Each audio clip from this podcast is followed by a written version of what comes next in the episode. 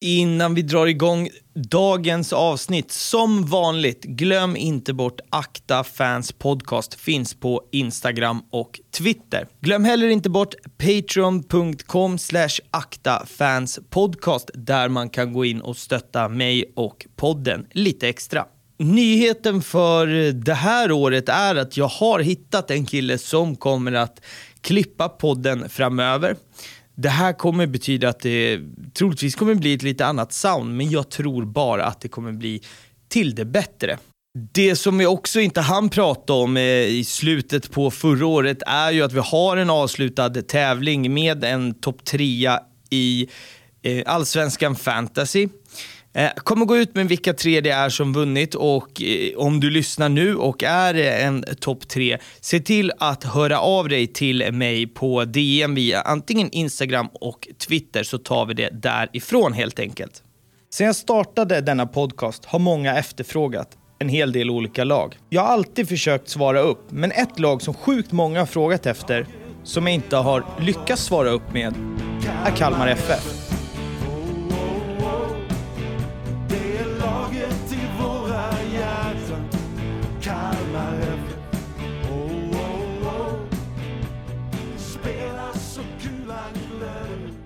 Men nu är det äntligen dags. I dagens avsnitt tar vi oss igenom arenaflytten, Bröderna Elm, Brassespåret, Magnus Persson och såklart Nanne Bergstrand och Henrik Rydström. Kalmar FF är småstadslaget som chockade Sverige med guld 2008. Men sen har vägen inte varit spikrak, varken på planen eller på läktarna. Men idag ska vi ta reda på vart man varit och vart man är på väg. Med det sagt, välkommen till Äkta Fans Podcast, Joakim Persson. Mycket. Hur är eh, läget med dig? Jo, men det är ju alldeles utmärkt. Det är ju den här tiden på året som eh, fotbollssupporter som eh, allting ligger oförstört och man har eh, så mycket förväntningar och eh, eh, funderingar i luften. Så att, eh, nej, det är bästa tiden på så sätt. Mm. Det måste ju kännas efter, efter er fjolårssäsong också så måste det ju, alltså tittar man på 2022 med liksom med stor förväntan. Ja, verkligen. Eh, man, man, man är väl alltid, som sagt, börjar väl på noll inför en ny säsong. Men med tanke på fjolåret så ser man ju, till mot, eh, ser man ju fram emot den här säsongen på, eh, på ett ännu, ännu tydligare sätt och har mycket, mycket förhoppningar på att det ska Mm. leda. Ja, jag förstår det. Kalmar var väl, jag skulle väl säga att det var det laget förra året som chockade mest. Inga stora förväntningar, jag hade inte det och det var nog inte så många heller som hade det på Kalmar. Men vad var det, var man fyra i Europa på eh, mest passningar inom laget? Eller det var ju någon sån här sjuk statistik. Så att, Det, det, det var må, många sådana där eh, statistiker som, som kom fram jämfört med Manchester City och eh, alla olika toppklubbar i Europa och att vi hade flest passningar på offensiv planhalva och sådär. Så att det var mycket roliga, roliga siffror att titta på. Men kanske inte så mycket som man la så stor vikt vid. Nej, så är det väl. Det går väl att hitta sån statistik och om man letar, det är väl lite så. Men eh, det, det, det som jag sa i introt för övrigt så ska det bli sjukt kul att, att äntligen få göra ett Kalmaravsnitt. Helvete vad det har tjatat. Så jag, har, eh, jag ska tillägga det till alla jag har varit i kontakt med. Det har varit många, många vänner, det har varit ödmjukt hos er. Du och jag har pratat lite grann och sen har jag pratat med någon annan och alla liksom hänvisar till, till eh, varandra och är väldigt ödmjuka. Sen, den, här, den, här är, eh, den här personen ska du prata med. Det har skjutsats runt men det känns verkligen som att fan, eh, nu har vi prickat rätt, rätt person på rätt plats och ja, äntligen ska det bli av. Jag, jag vill att vi ska börja prata om föreningen Kalmar FF. För jag har förstått att det är lätt att man kan, man kan hamna snett här och kalla, om om man kallar Kalmar FF för en klubb. Ber, berätta om, om, om det här. Vad, what's up? Ja, men det är ju regel 1A och det är ju någonting som vi får, får lära alla nyförvärv när de kommer till, till föreningen. Att eh, man refererar till Kalmar FF som en förening eh, och inte som en klubb. Så man får aldrig säga klubben om Kalmar FF. Och det grundar ju sig i att eh, vi har ju historiskt haft två rivaliserande lag i, i stan. Eh, den ena är Kalmar FF och den andra som har haft, hade en storhetstid för många år sedan var ju Kalmar AIK. Eh, och eh, i, i Kalmar så är ju Kalmar AIK den som man benämner som klubben och eh, Kalmar FF är föreningen. Kalmar fotbollförening heter vi ju. Mm, mm. Så att eh, det grundar sig helt enkelt i det. Så refererar man till Kalmar FF som klubben så, eh, så ställer sig alla FF-supportrar frågan vad hade Kalmar AIK med det att göra? Ja. Jag har att, fått det här, eh, så här varningens finger av typ två, tre olika på, på Twitter som säger vad du än gör när du väl sätter dig, kalla för fan inte Kalmar för klubb. Och skulle det vara så att jag råkar eh, säga fel så ber jag om ursäkt för det redan på förhand. Men eh, alltså, för mig är ju eh, alltså, ordet klubb är ju för mig bara typ ett ja, men ett samlingsnamn för en förening eller ett lag. Man säger ja, men den här klubben eller sådär. Va, va, är, är liksom, alltså, vad är det som tar så illa i det? Jag, jag vill bara, jag, för jag fattar inte riktigt. Nej, jag vet inte om alla tar så illa vid det egentligen. Det är ju mest liksom en, en grej. Det blir att det där ordet liksom har någonstans etsat sig fast. Så det blir liksom börjar blinka en röd varningslampa liksom när, det, när det ordet sägs. Mm. Men jag tycker det är lite intressant också för det, det har börjat ändå sprida sig den här kunskapen. Så jag har ju märkt att på, på vissa fotbollsreferenter att de faktiskt har lärt sig. Jag vet att Erik Niva pratade om det och jag vet att jag har märkt att Niklas Jarelind till exempel aldrig benämner Kalmar som klubben längre. Utan han har också förstått att kalla dem för föreningen. Så det, det är kul att, att kunskapen sprids.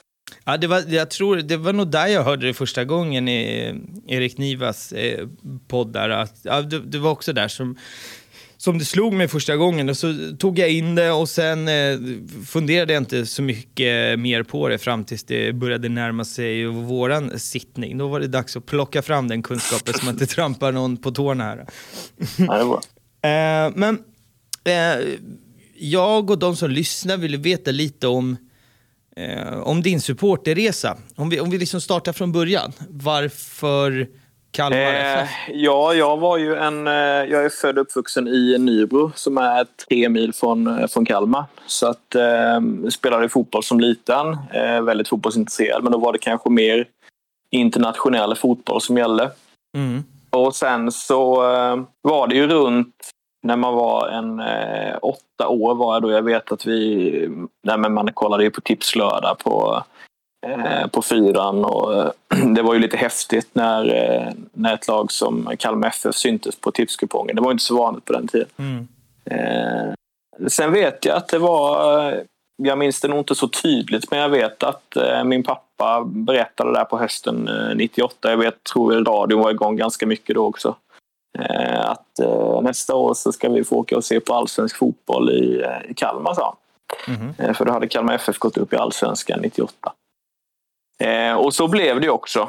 Eh, så eh, våren 99 så eh, tog pappa med mig in till Fredrik Skans eh, och vi ställde oss på ståplatsläktaren och såg FF slå Västra Frölunda hemma med 3-1.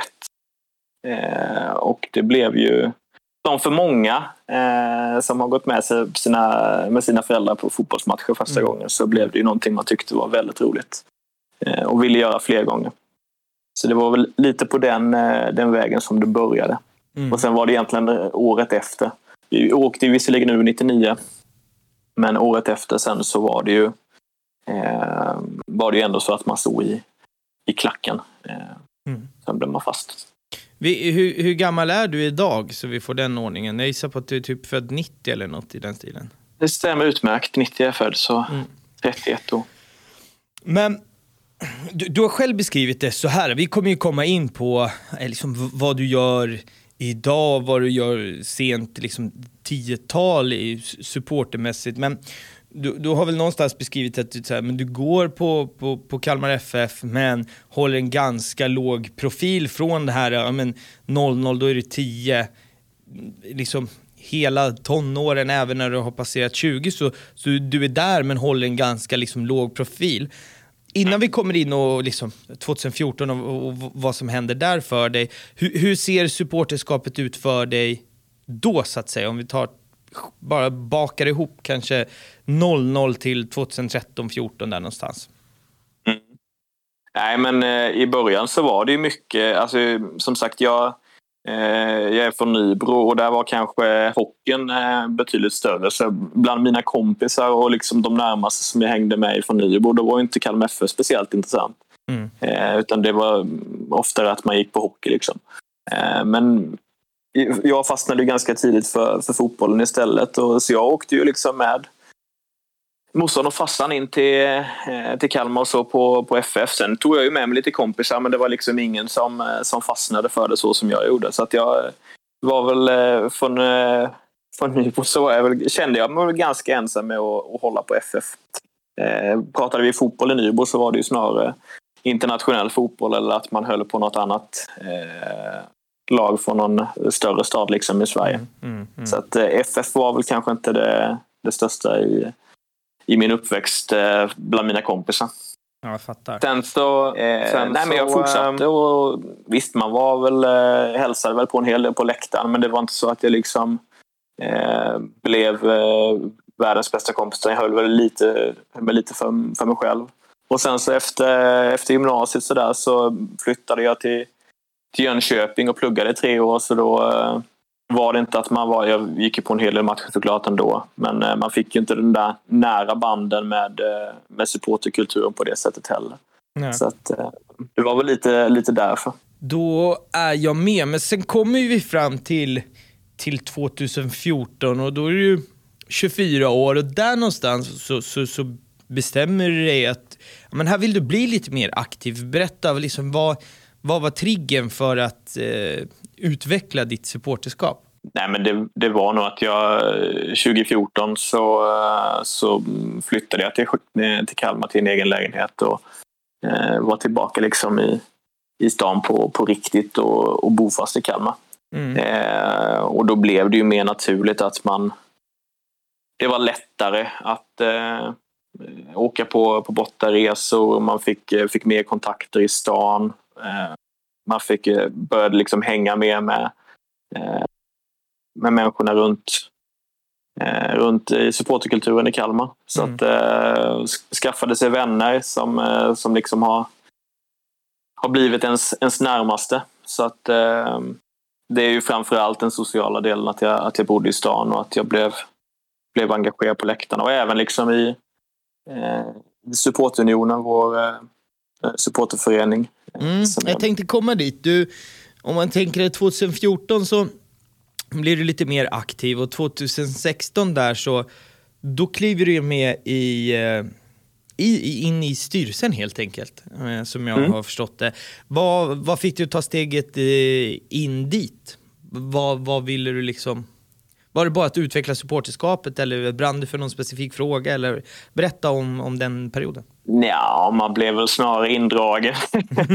vare, sig, vare sig man vill eller inte. Det var någon som sa att "Ja, men här har vi en, eh, en aktiv supporter, en eldsjäl som liksom eh, brinner för, eh, för att gå på mycket matcher som liksom är någorlunda vettig och rumsren. Så då får, får vi ta honom. Liksom.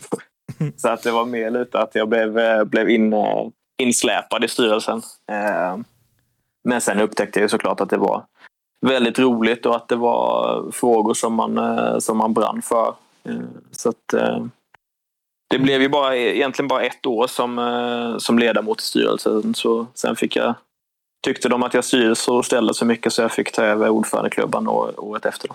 Mm, mm.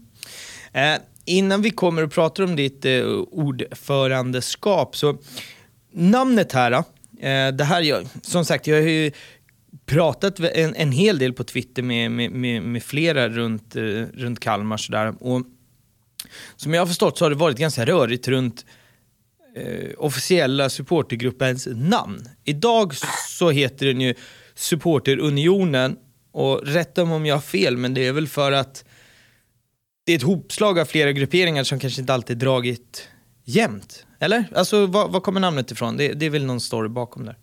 Ja, eh, sen dels var det väl, eh, har det varit lite olika grupperingar och sen så åsyftade det väl lite grann till eh, vår historiska också med, med Kalmar Unionen. Så att eh, det är väl lite grann med det i baktanke också som man tog in just ordet Unionen.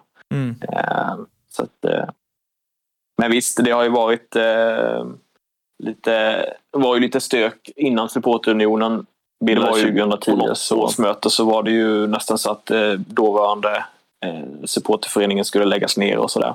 Så att, eh, det var ju lite turer fram och tillbaka. Just på den tiden så var jag inte aktiv så jag har inte stenkoll på, eh, på exakt vändorna hur det var. Men jag vet att det var lite, lite krisigt ett tag. Mm. Så att, visst, det har varit lite olika grupperingar men det känns ju som att någonstans där runt 2010 så började det väl bli någon form av eh, stadga. Ja. man En, kul grej också var... Vad är det, du kan få berätta själv, vad är det första namnet som, som eh, kom? Det här är helt otroligt. Ja, det lever ju kvar. Eh, inofficiellt fortfarande så, eh, så pratar man ju ofta om Kalmar-supportrar som Konkel Berris. Det var, det var ju det som jag, eh, när jag började engagera mig i eh, supporterföreningen i då runt millennieskiftet så var det ju, hette ju supporterföreningen Konkel Berris så att eh, mamma och pappa undrade säkert vad det var frågan om. eh, men det, Ja, det lever lite grann kvar fortfarande som inofficiellt eh, så kallas, eh, finns det väl lite falanger som kallar sig för Konkelbergs också. Mm. Eh, Så att, Kul om inte annat. Låter som ett ruggigt bra namn som kom fram eh, efter ett gäng bärs på någon eh, lokal pub. Eh, bara låter som det. Ja, det här ska vi göra. Och sen eh, har det hängt med. Kul om inte Ja. annat. Det är väl eh, det som är det bästa med supportkulturen, just eh, humorn sådär. Eh, det spelas ju mycket, spelas, ska jag säga, det spelas ju mycket Onkel Konkel också på, eh, ja, det är så. på, på bortaresorna så att eh, inte för inte. Ja, jag fattar. Eh, du var inne på det lite grann där att du, eh, 2017 så styrde du och ställde så mycket så du fick ta över ordförandeklubbarna. Som jag fattade så eh, har du den fortfarande va? Ja, än så länge. Eh, be- berätta lite, vad, vad skulle du säga? Då är vi inne på, fan blir det nu, matematik, femte året kliver du in i nu. Vad, vad har hänt de här fem åren skulle du säga, när du någonstans har fått vara ordförande i officiella supportergrupperingar? Eh, ja, men jag tycker att vi har tagit bra steg framåt. Det har ju mycket har ju handlat liksom om att eh, försöka få den aktiva delen framförallt på hemmaplan att växa. Och det tycker jag, tycker jag det har gjort på, på Guldfågeln Arena. Vi har fått Mm. till en, eh, en pub bakom hemmastå som vi, som vi kämpade för länge och vi har fått upp eh, eh, lite räcken på sektionen. Vi har fått upp liksom en, eh, en capoplats och eh, en hel del saker. Jag tycker att vi har, vi har vuxit. Ett tag så kändes det som att vi hade Eh, att det var ganska så tunt med, med påfyllning från, eh, från yngre supportrar. Men nu tycker jag att man... Visst, nu har vi haft ett par år här med, med en pandemi som kom i vägen men det kändes ändå som att där vi var innan eh, innan den kom in så kändes det ändå som att vi var något, något riktigt bra på, på spåren. Så det, det känns som att vi har eh, lyckats bli, bli fler och bättre på hemmaplan. Så att, nej, men jag tycker att vi har tagit kliv framåt, absolut. Mm, mm. Uh, intressant, vi kommer ju komma in såklart och prata mer om er supporterkultur, men eh, det, det som, när jag har skrivit det här avsnittet så har vi landat en hel del i liksom, dels så har vi ju eh, ett par namn som vi kommer att eh, prata en hel del om. Vi kommer att också i det här avsnittet bli en, en hel del liksom Eh, lite, lite det sportsliga också, så vi ska väl försöka vinkla det till att du ska få berätta din upplevelse, hur det var, och liksom, ja, men hur det var att uppleva det så att säga. Men eh, när du börjar eh, gå på Kalmar FF runt millennieskiftet så var ju Kalmar inte det var ingen stabil allsvensk eh, klubb, köper du det om, om, om jag uttrycker mig så? Helt och hållet. Det var lindansargäng och jojo-lag och du kan eh, kalla det lite vad du vill. Eh, du har själv eh, sagt att man 2000 så håller man på att åka ur eh, eh, superettan till och med, vilket hade ju kunnat blivit liksom eh, hade man åkt ur där och då så hade Kalmar FF kanske inte varit den föreningen, jag höll på att säga klubb nu, eh, föreningen som, eh, alltså, så, så, som man är idag. Eh, ber, berätta vad som händer eh, borta mot Sylvia 2000. Ja, men det var ju verkligen ett, eh, ett vägskäl för föreningen. Det kändes det som då och det, när man blickar tillbaka så känns det väl ännu mer eh, som det. Nej, men vi hade ju åkt ur som sagt 99 efter ett kval mot eh, Gais. Eh, och eh, säsongen 2000 så tog vi ju in en eh, tränare vid namn Simon Hunt som eh, de flesta av, av oss hoppas jag har glömt. Men eh, det, det, blev ju ingen, eh, ingen bra säsong. Den, den började väl inte så bra och den blev väl inte bättre heller. Utan, eh, det var ju hackigt och det var... Eh, vi harvade runt nedre delen av, eh, av tabellen. Eh, och mot slutet av serien så, eh, så var vi ju riktigt illa i det eh, och höll ju på att eh, hamna under de sista, alltså under, under nedflyttningsplatser. Så att, eh, matchen mot Sylvia 2000, jag vet inte vilken, om det var omgång 27 eller omgång 28 kanske. Eh, så, eh, så var vi riktigt illa i det och låg under med 2-0 mot Sylvia på bollspelaren som eh, planen hette. Eh, men eh, sen lyckas vi få in 2-1 och 2-2. Jag tror det är vi hade en eh, lång brittisk mittback vid namn Stuart Reddington som gjorde ett av målen och jag tror även Daniel Mobeck gjorde, gjorde kvitteringen. Eller om det var tvärtom. Eh, och sen så på, eh, i de sista skälvande sekunderna så av alla människor så är det vår långa gängliga mittback Joakim Lantz som på den tiden huserade någonstans på, på högerflyen eller till och med som anfallare tror jag. Mm som, eh, som lyckas eh, toffla in 3-2. Eh, och vi lyckas vända och vinna den matchen. Och sen dess så... Ja, han fick ju självklart ramsor kallade efter sig och han mm. benämndes ju senare som Jesus Lantz. istället för Joakim Lantz. Så att, ja, det var ett, en historisk match som, som nog ingen Kalmar FF-supporter kommer, kommer glömma. Mm.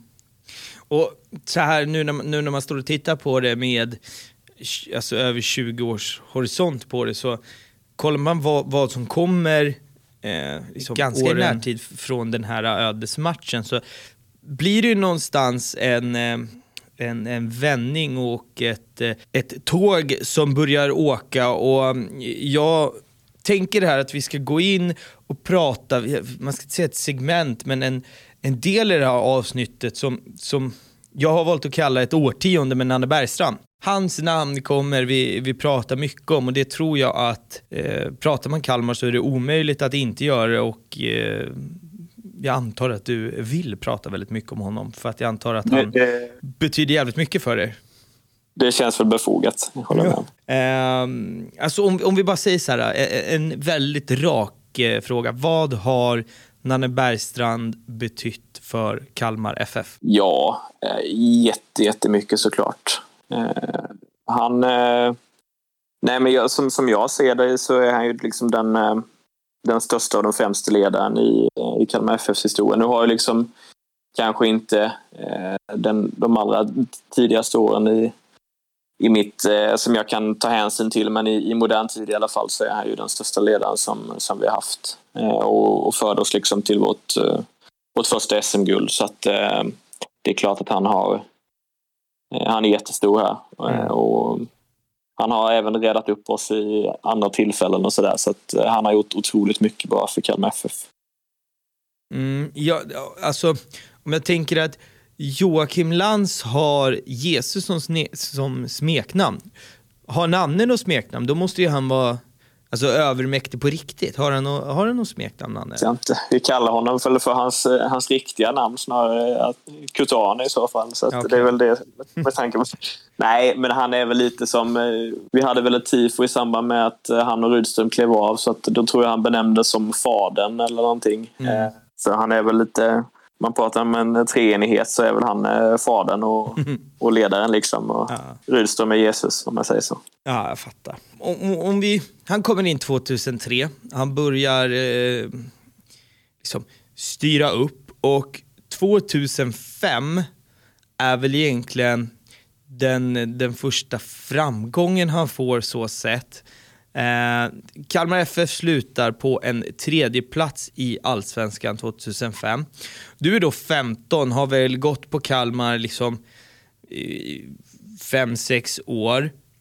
Hur var den känslan att då antar jag att då borde du fortfarande i, i Nybro också och bara kunna känna att man hade lite mer stolthet i att vara Kalmar FF nu, nu när det gick så bra. Eller hur, hur var liksom den känslan att äntligen få, ja, men få med sig lite framgång? Ja, verkligen. Och alltså, det kom ju så pass eh, snabbt efter att vi gick upp eh, 2003. Eh, så 2004 femma. Och de åren där femma, trea, femma, tvåa, etta. Mm. Så är det ju en fantastisk svit fram till, eh, fram till guldet. Men eh, Eh, där i början runt 2004-2005, ja alltså det är klart. att Då handlade det mycket om, i och med att vi är ganska nya, så var det ju väldigt mycket eh, kusinen från landet och att vi, man odlade ju väldigt mycket den, den bilden av att eh, vi var tråkiga, tråkiga Kalmar myntades. Och då i, början där så var vi väl ganska tråkiga. Det var liksom en, en tät åtta och sen så var det två brassar på topp ungefär som, eh, som petade in eh, någon boll liksom på individuell skicklighet. Så i början så var det inte sådär superspexigt. Det var ju många lag som som hatade att, att möta oss för att vi spelade så fruktansvärt tråkigt. Eh, och vi, man tyckte ju om att, att odla den här bilden också. Det blev ju en, en vi mot dem-känsla som, som hela föreningen liksom älskade. Eh, det var nog mycket det som var grunden till framgången också. Att man, man slöt sig samman och man, eh, man hittade en identitet. Vi- Vilka Kalmar FF var. Vi var liksom bönderna och vi, eh, alla hatar oss och tycker att vi är så tråkiga. Så att, det, var, det var nog en framgångsfaktor att, eh, att, att det såg ut på det sättet. Alltså, min bild av hur Kalmar FF var på den här tiden var att det varje säsong kom in två nya brassar som var helt jävla överjävligt bra. Alltså de var helt, var helt otroliga. Men så kollar jag tillbaka lite på jag menar, så här, trupper under de här året. Det, så många brassar var det ändå inte. Det var Cesar Santin som jag kommer ihåg som var helt alltså, överlägset. Men eh, Mm. Det, vad hette han? DD Andersson? Nej, vad hette han? Det är DD va? Ja, DD Andersson. Ja, tog vi från Bayern då. Just det, det är det för övrigt. På, på tal om honom, en, bara ett supersidospår.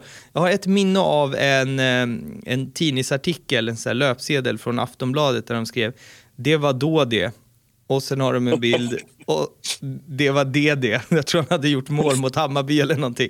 Det var då då, det, det här var det det. Är otrolig löpsedel. Eh, stickspår. Men, men hur många brassar hade ni? Ni hade ju tydligt brassespår, precis som du, du säger. Det var liksom åtta mittbackar och sen två brassar kändes det som. Alltså, Ja. Var det en uttalad liksom, värvningsstrategi att man passar brassarna så får de göra, alltså, göra Ja. målen typ eller? Ja, men det var lite så. Eh, Nanne var ju på sina resor tillsammans med Kjell Nyberg och sen hade de väl en- lite agentfirmor i, i Brasilien som de hade hjälp av också. Men jo, det, det kom väldigt mycket brassar men sen var det inte alla som, som lyckades och slog igenom. Men det räckte ju liksom med att typ någon per år gjorde det nästan så, eh, så var det ju tillräckligt. Det, vi började väl egentligen med en eh, kille som hette Allison redan eh, 99 eller då 2000.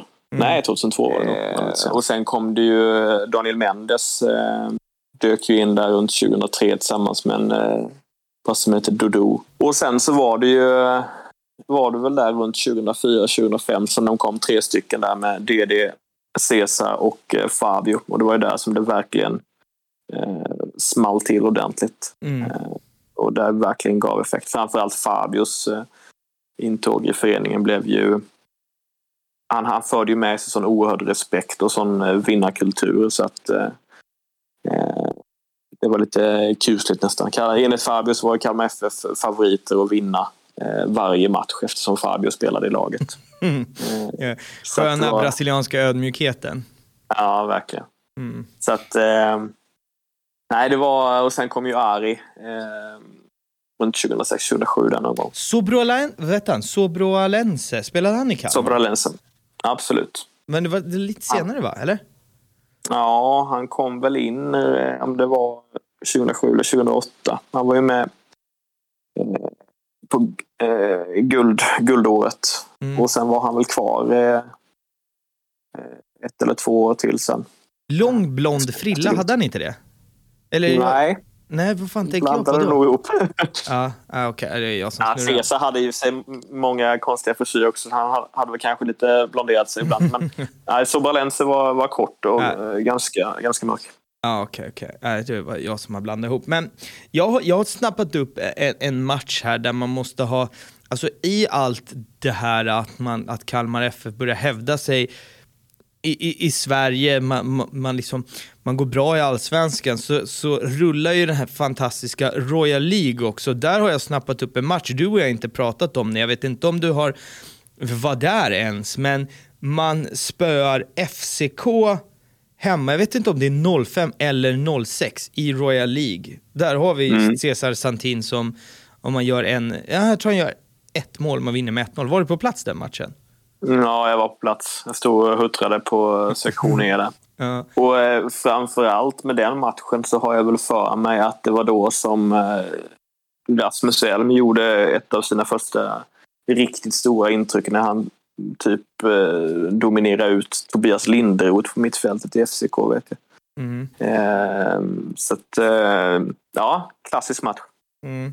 Ju- Just med Elm också, vi kommer ju prata om dem såklart. Jag bara inte vet vad jag ska putta in dem, för det känns som att de det har funnits tre Elmbröder i Kalmar i 20 år. Alltså, de är överallt, så jag vet inte fan vart vi ska putta in dem. Men vi, såklart ska vi prata om deras eh, be- betydelse för, för, för klubben också. Men 2006 där... Oj, titta, du hör ju. Jag har redan bett om ursäkt för det. Jag har tagit avstånd i, i, i början. Föreningen, helt rätt. Eh, 2006 så slutar man femma, men 2007 så ska du få uppleva eh, din första titel. Eh, Berätta om eh, Svenska cupen-äventyret 2007. Eh, ja, den, den hamnar väl lite grann i, i skuggan kan man väl säga av, eh, eh, av SM-guldet såklart. Så att Mm. Det är väl inte, när man tittar tillbaka så, så hamnar den, så är det ju SM-guldet som tar, tar all plats. Men det är klart att det var stort att vinna en, eh, Mm, i Göteborg. också. Eh, var det väl i Ja. eh, finalen om jag inte missminner mig helt.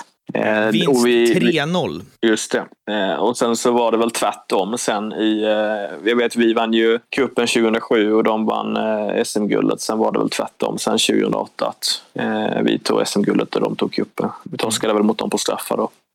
Så att, eh, nej. Ehm, fantastisk resa så kan jag inte... Kan, hade jag lite svårt att minnas eh, vägen fram. De här cupmatcherna är inte alltid de som man, som man minns. Nej, men jag tänker mer så här känslan. Alltså hur... hur alltså, det ska tilläggas att Svenska Cupen, är, det har vi pratat om massa gånger, men Svenska Cupen idag har ju mer dignitet än vad den kanske hade 2007.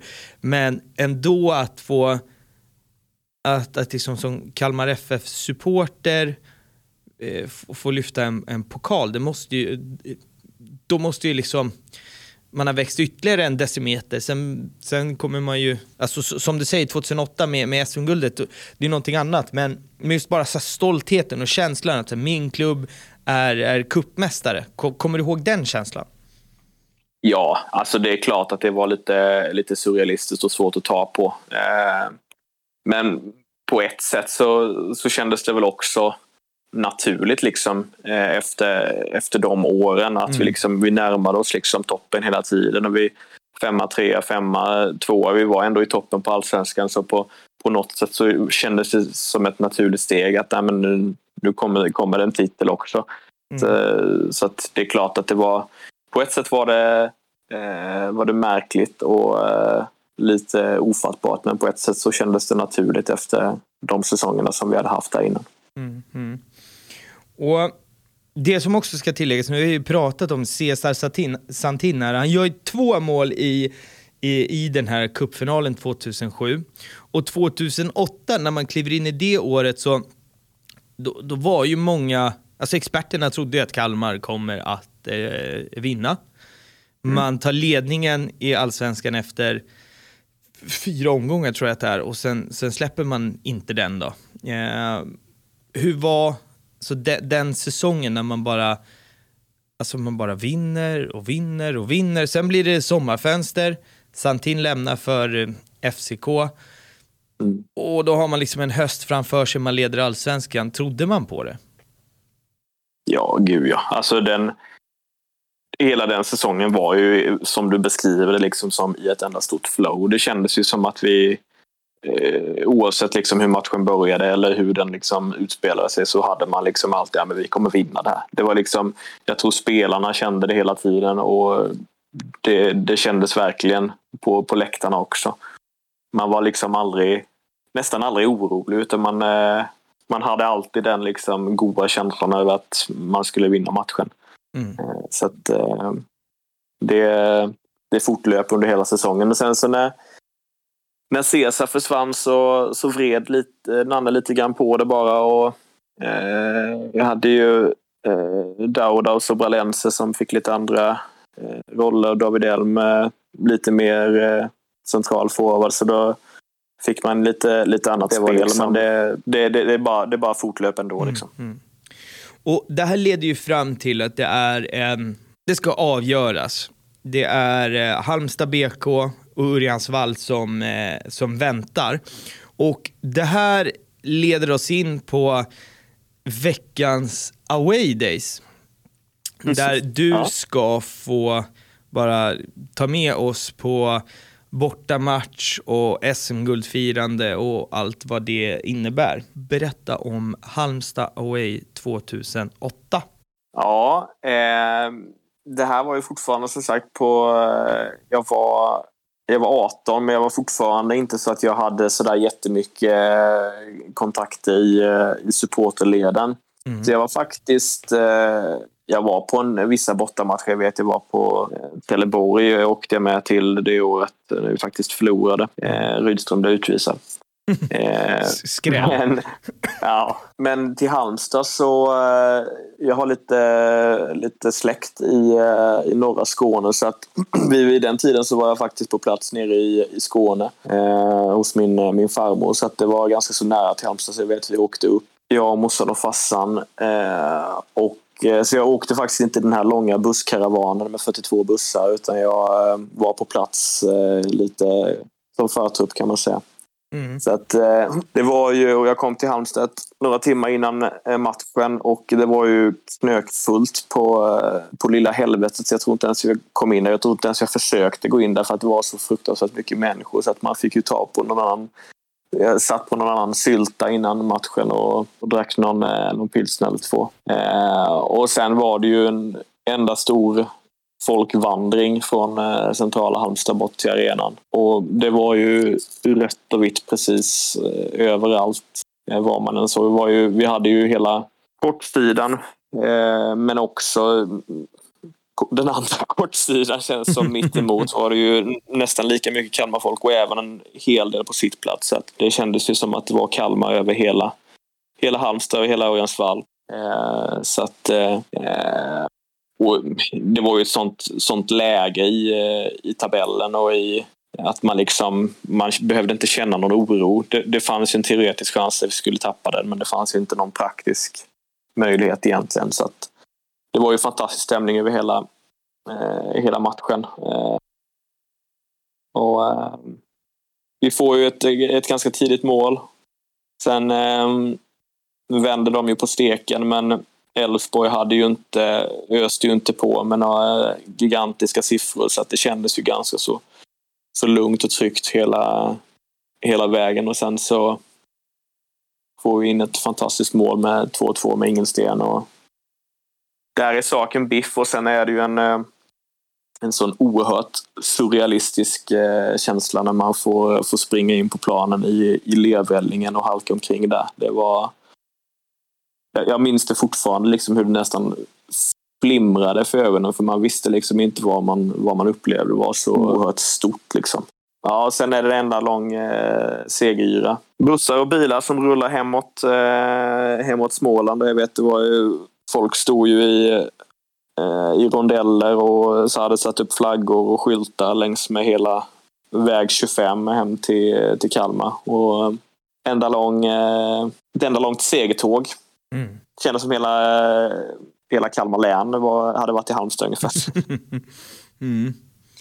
Ja, eh, gud, när man, när man hör såna här historier, då vill man ju bara att det ska vara allsvensk fotboll igen. Gud vad man saknar det när man hör såna här historier och får drömma sig bort lite grann. ja, verkligen. Eh, nej men strålande, är det någonting mer om vi, om vi liksom tar matchen eller den här dagen eh, runt guldet 2008 som vi, som vi ska peta in? Eller eh, är, vi, är vi nöjda där? Jag tror vi är ganska nöjda. Mm.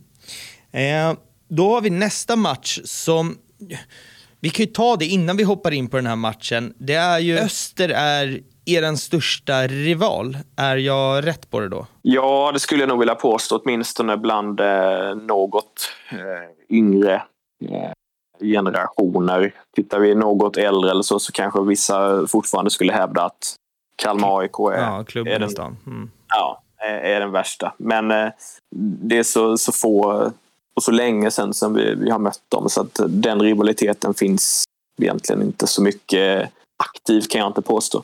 Så att, eh, ja, eh, bortsett från klubben så är ju Öster den stora rivalen, absolut. Och eh, för den som inte vet, Öster är från Växjö. Hur långt är det mellan Växjö och Kalmar? Ja, vad är det? 10 mil? Ja. Något sånt. Ehm, och där ska du få berätta om Öster borta 2013. Ja, eh, det var ju ett eh, trevligt år. Eh, Öster var ju... Det, de var väl tillbaka i allsvenskan. Eh, jag vet inte om det var 2007 innan dess som de hade varit uppe en sväng. Och sen var det ju eh, 2013 som de eh, kom upp. Och vi hade ju en ganska nybyggd arena så på våren så slog vi dem inför ett fullsatt eh, eh, Guldfågeln Arena med 3-1. Eh, och sen var det ju borta, borta matchen då 2013 eh, på, på hösten. Mm. Och eh, nej, men det var ju det var ju ett väldigt stort följe. Jag kan inte säga exakt antal, men jag tror vi var kanske runt en eh, 2 2 500 på eh, på kortsidan där totalt sett. Mm. Och det är ju en eh, Nej men såklart en eh, stora samlingar. Så innan, innan matchen, marscher till, eh, till arenan och allt som, eh, som hör till. Sen eh, får vi ju en fantastisk start på, på matchen när eh, kommer en ny brasse här, kommer Ismael som dundrade in, dundrade in den i efter, eh, jag tror inte ens det var två minuter spelade i krysset. Eh, så en fantastisk start. Och sen så kvitterar Öster i, eh, jag tror det är i andra halvlek. Ehm, men sen så har vi ju tagit hem David Elm efter lite, efter att han varit på, på villovägar eh, i ett par år. Och han gör sitt första mål eh, sen återkomsten och nickar in 2-1. Sen har ju Öster ett rejält tryck på oss eh, mot slutet och det är ju väldigt röriga situationer och sen så i den här eh, vi- villan och vallan så, så tar ju, kommer det ett skott mot mål och Emil Nouri står på mållinjen och flaxar väl till lite med armen slash bröstet. Och alla Österspelarna ropar ju såklart på, på hans och vill ha det till straff och Nouri står och slår sig själv på bröstet och säger att här tog den. Sen kan ju väl repriserna säga ett och annat att det kanske inte var så. Men eh, desto roligare och desto skönare. Eh, så det, det löste sig väl och vi fick, eh, fick två segrar den säsongen och Öster åkte ur så att det var, kunde inte bli bättre. Mm. Eminori också, riktig karaktär sådär. Har faktiskt eh, eh, en ex-flickvän till mig är också ex-flickvän till, till honom. Eh, väldigt random, jag som är från Stockholm. Sådär. Eh, men eh, den här är, eh, vi tar om. Eh, du får klippa här, sorry. En annan match, här vet jag inte ens om du är eh, på, på plats. Det här har jag fått som en, en, en fråga egentligen från eh, Twitter, så vi kollar om du var där. Det är en eh, Landskrona i kupp kuppen där det blir typ slagsmål i paus. Jag har ingen aning om du är där. Det var, jag bollar upp den bara. Ja, nej, jag, det här var under den tiden som jag faktiskt var uppe och säsongade i Sälen. Så jag, jag, jag sitter ju uppe i Sälen i en fjällstuga och ser den här matchen på tv. Och jag minns knappt vad det, vad det blev, men jag minns ju att jag ligger och streamar matchen. Och sen har jag ju, jag ligger ju kameran kvar på, eh, på planen under halvtidsvilan. Och det börjar väl närma sig eh, andra halvlek. Och sen ser man liksom på bortre långsidan att det är någonting som börjar hända där borta. Och det blir väldigt stök och liv. Och jag vet att eh, det flyger lite eh, kravallstaket och grejer. Så att eh, Nej, jag var inte på plats. Men det var en... Eh, jag har ju fått berättas för mig att det var en väldigt händelserik resa. Och lite, lite stökigt på plats också.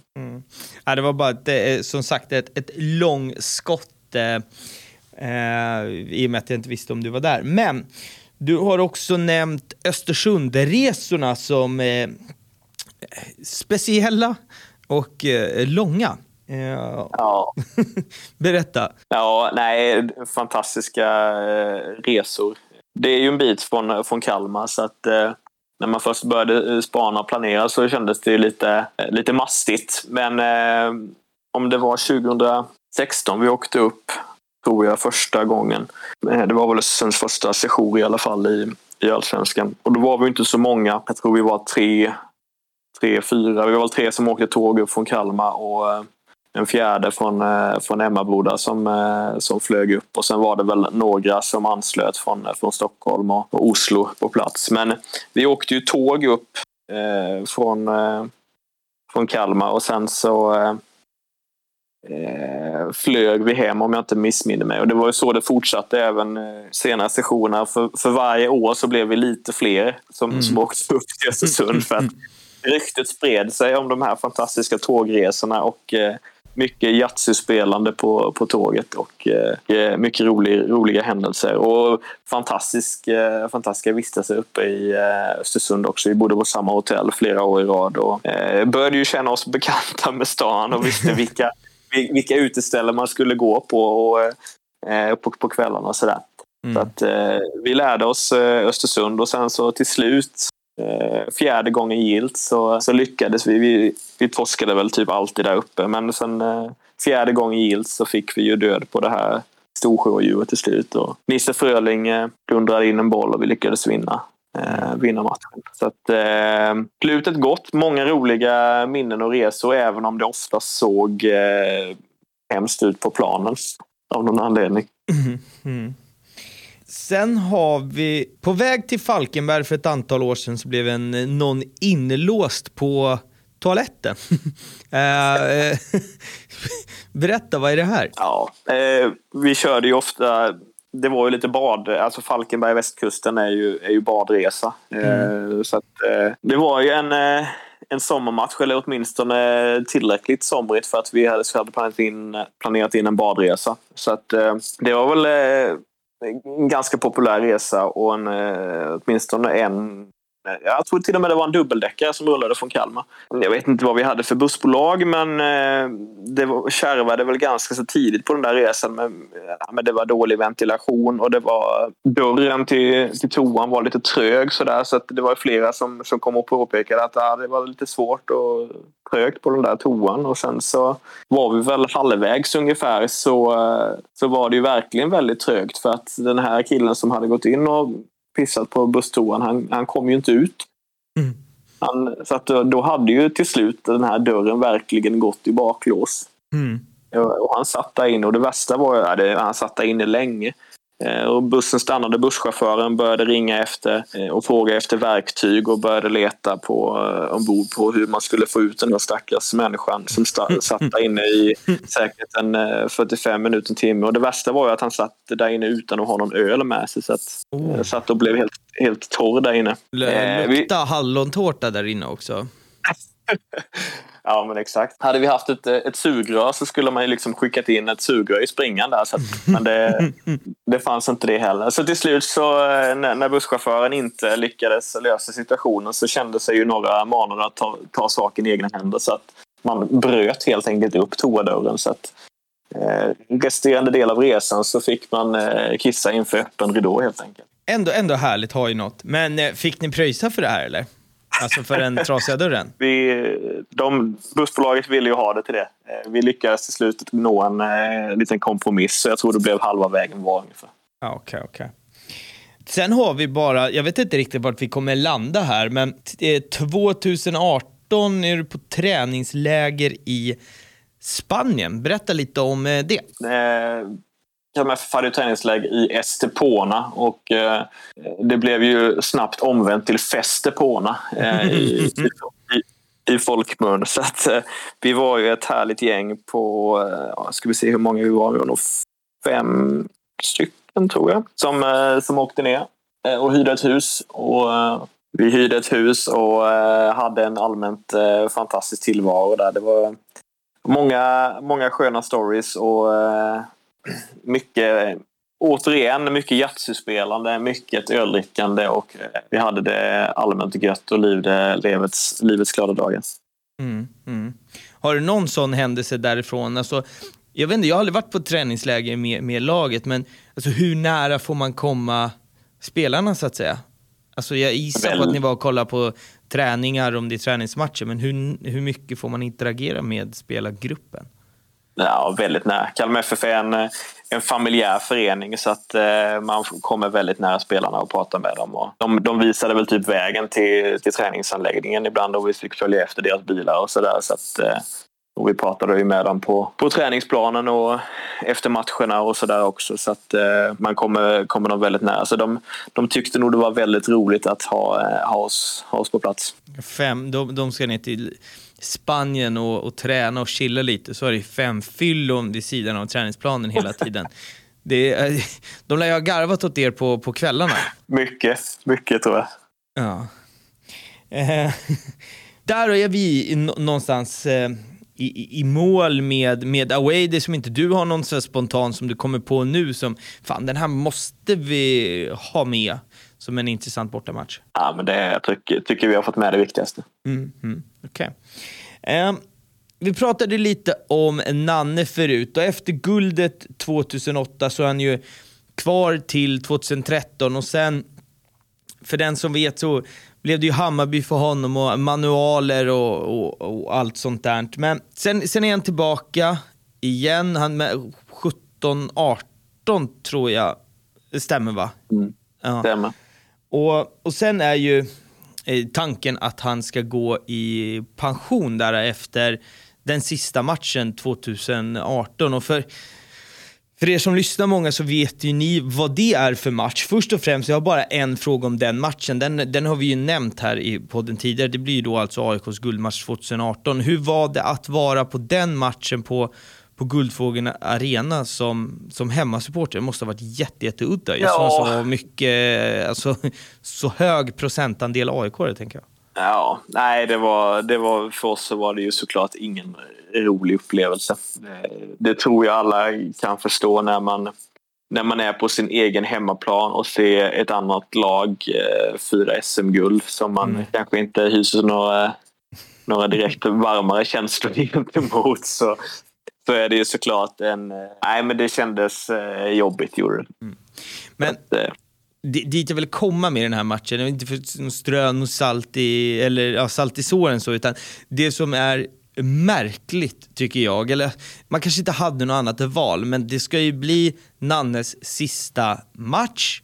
Eh, han ska ju gå i pension här och jag tror att det är halvtid, Alltså så långt tänkte man att man skulle tacka av honom i, i halvtid, men det var en så otroligt märklig för, alltså avtackning för att det, under hela hans liksom, avsked så, så stod vi och sjöng AIK-ramsor. Det blev så, så konstigt, och även jag som är så här Visst, han har coachat, coachat Hammarby, vilket eh, för mig som aik då fattar ju alla vad det betyder. Plus att han är stor. För jag kan ju förstå att det här är liksom, det här är faden för er. Men det måste, varit, det måste på något sätt nästan känts ovärdigt för en så stor människa att bli avtackad i det forumet.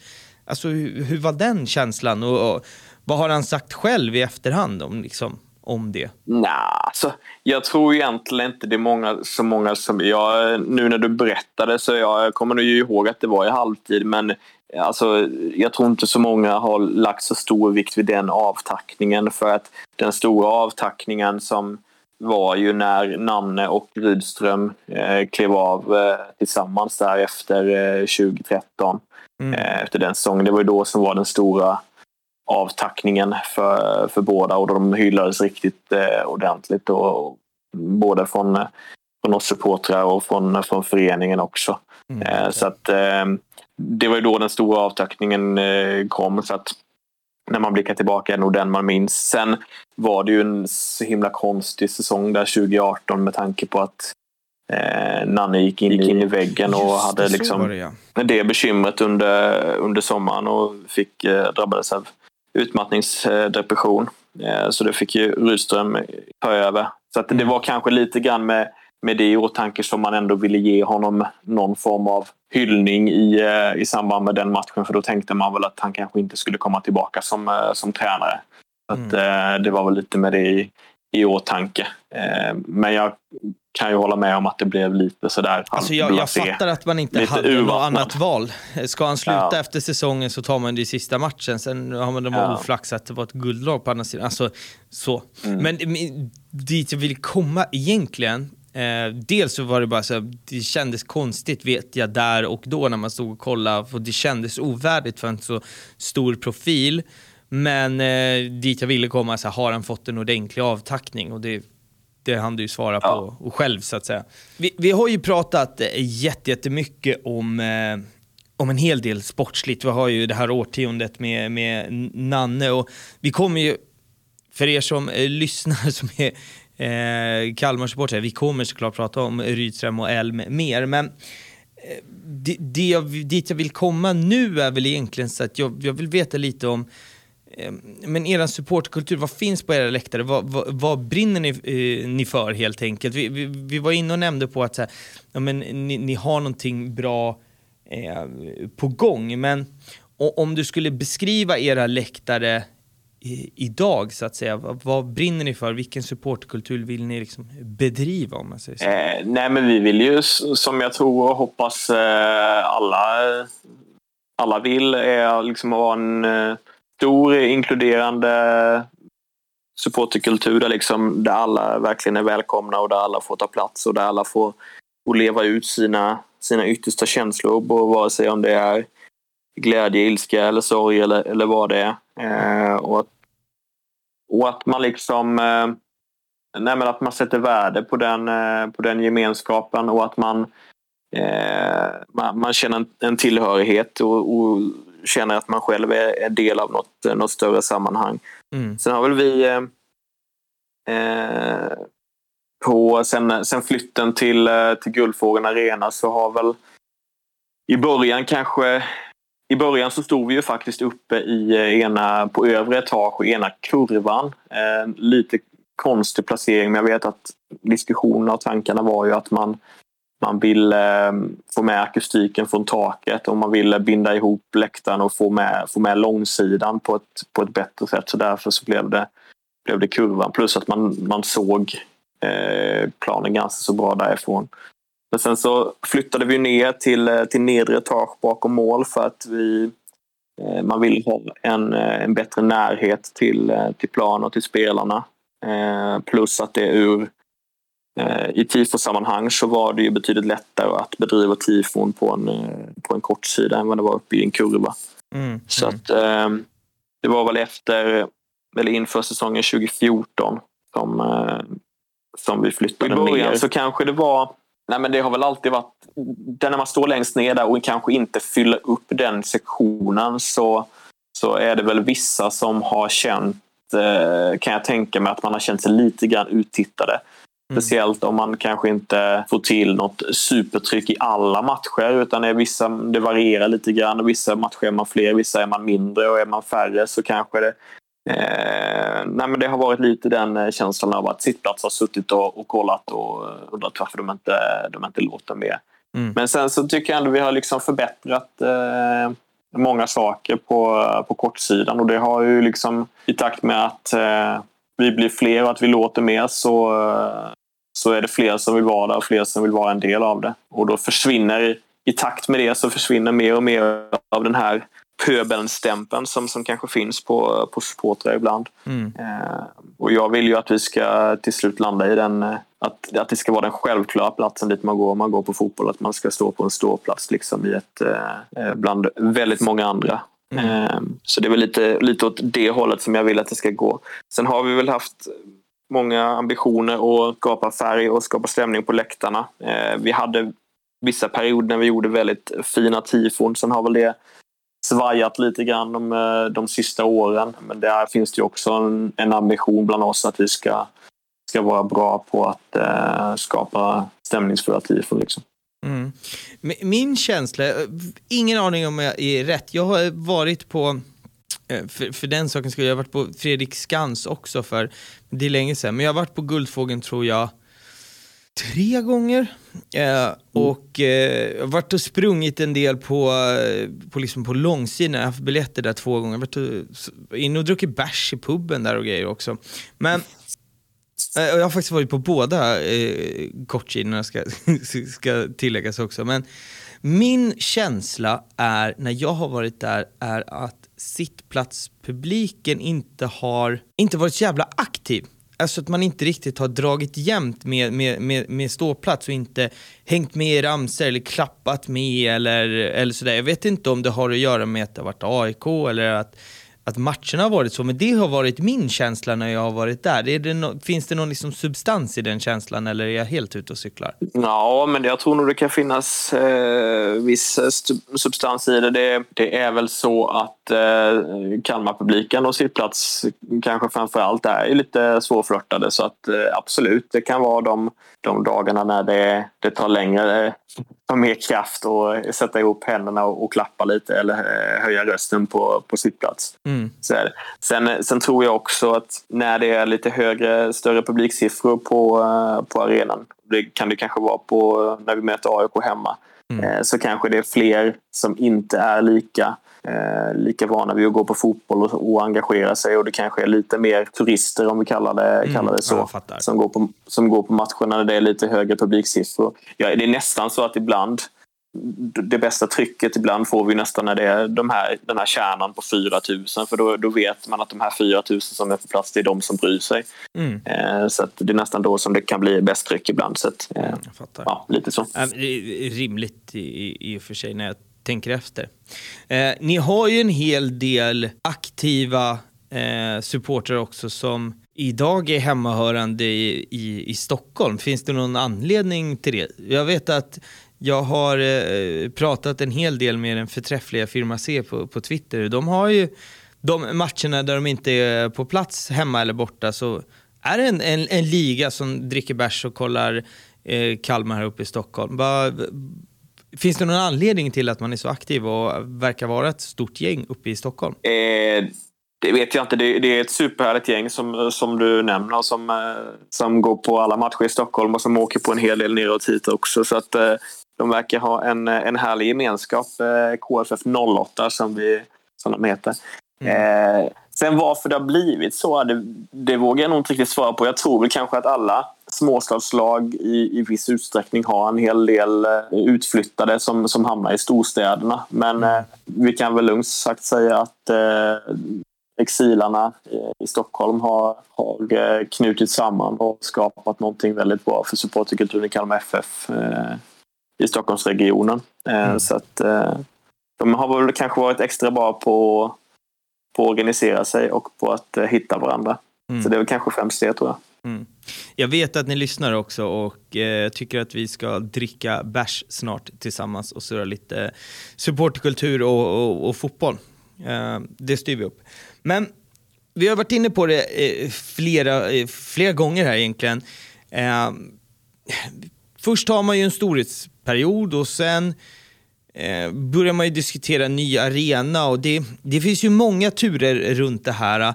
Min, när jag försöker summera ihop det. Man kanske behövde en ny arena men det blev lite storhetsvansinne kanske.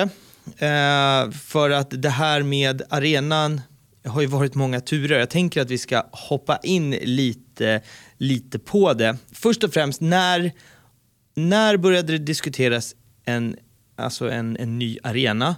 Och vad var känslan liksom supportermässigt när det började diskuteras? Eh, ja, det började väl tjatas. Eh, Nanne vet jag ju var en väldigt stor förespråkare och han tog ju upp det på, på presskonferenser efter matcherna otaliga gånger att framförallt när vi låg i toppen på allsvenskan och det pratades om Europaspelare i samband med guldet så där så sa han att ja, det är ingen vits med att vi går till Europa för vi har ingen arena att spela på. Ehm, och sådär. Så att, eh, det var ju, eh, var ju mycket det snacket från Nanne. Så att, eh, sen föddes väl diskussionen där och jag kan väl inte alla, alla turerna heller men eh, en het fråga var ju om man skulle eh, vara kvar liksom runt Fredriksskans. Och, eh, den har ju en fantastiskt fin placering och närhet till stan om, om inte annat. Så att bara kunna liksom kila bort från stan på tio minuter. Så eh, där tappade man väl en del när den till slut placerades där den gjorde ute vid, eh, vid Hansa City. Ja, heter men för den, som, alltså för den som inte har varit där, min känsla som, som inte är hemmahörande i, i, i, i Kalmar, känns ju som att man bara åker på motorväg och sen mitt i, i skogen så, så där poppar upp en arena som inte liksom från ingenstans typ. Sen självklart så varenda gång jag åkt till Kalmar så har man varit full när man har kommit dit och kanske inte så uppmärksam. Men det känns ju som att det ligger alltså mitt i ingenstans nästan. Jag, jag, det jag, ligger- vet inte, jag vet inte om det är så, men det är min känsla i alla fall. Nej, den ligger ju längs med E22 så ja, det är ju typ det första som du ser om du kommer norrifrån så är det ju arenan som kommer där. Mm. Sen, eh, så den, eh, den ligger ju längs med, med motorvägen och sen så har du ju liksom stan ett antal kilometer inåt liksom. Mm. Att, eh, Men hur, hur har det varit? Alltså, för mig som, när jag går på fotboll så, det är liksom publivet, allt det där runt omkring och man sitter på puben och sen kan man liksom, närheten från puben till arenan, att man får det sociala. Här känns det som att ska man på match så måste någon köra och sen hoppar man från bilen in på, in på arenan. Eh, du nämnde ju där att ni har fått en, en pub bakom eh, bakom hemma, eh, hemmastå. Men hu- hur har det liksom eh, drabbat er? Eller jag vet inte vilka ord jag ska använda här.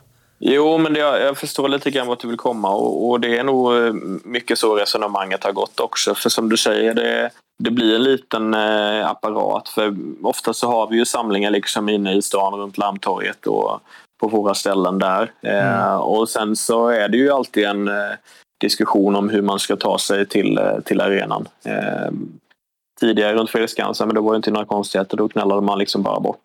Eh, Mm. Och man kunde vara kvar på, på arenan. Nu blir det lite mer process och apparat. Så att antingen så, så är det liksom stadsbussar ut eller också så är det taxi eller så är det någon som kör och sen så splittras man lite.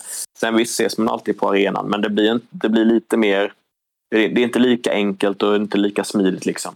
Mm, nej. Som att ha en, ha en arena nära till hands i stan. Så att, eh, där tappar man ju lite grann absolut. Men då måste det väl ha gjort ganska mycket att man kan ha en, en, en pub där, alltså att man Fan om portarna slår upp en och en halv timme innan avspark så kan man i alla fall åka dit och, och dricka sin öl där. Eller? Absolut, absolut. Det gjorde, gjorde ju väldigt mycket för oss när vi, när vi fick den.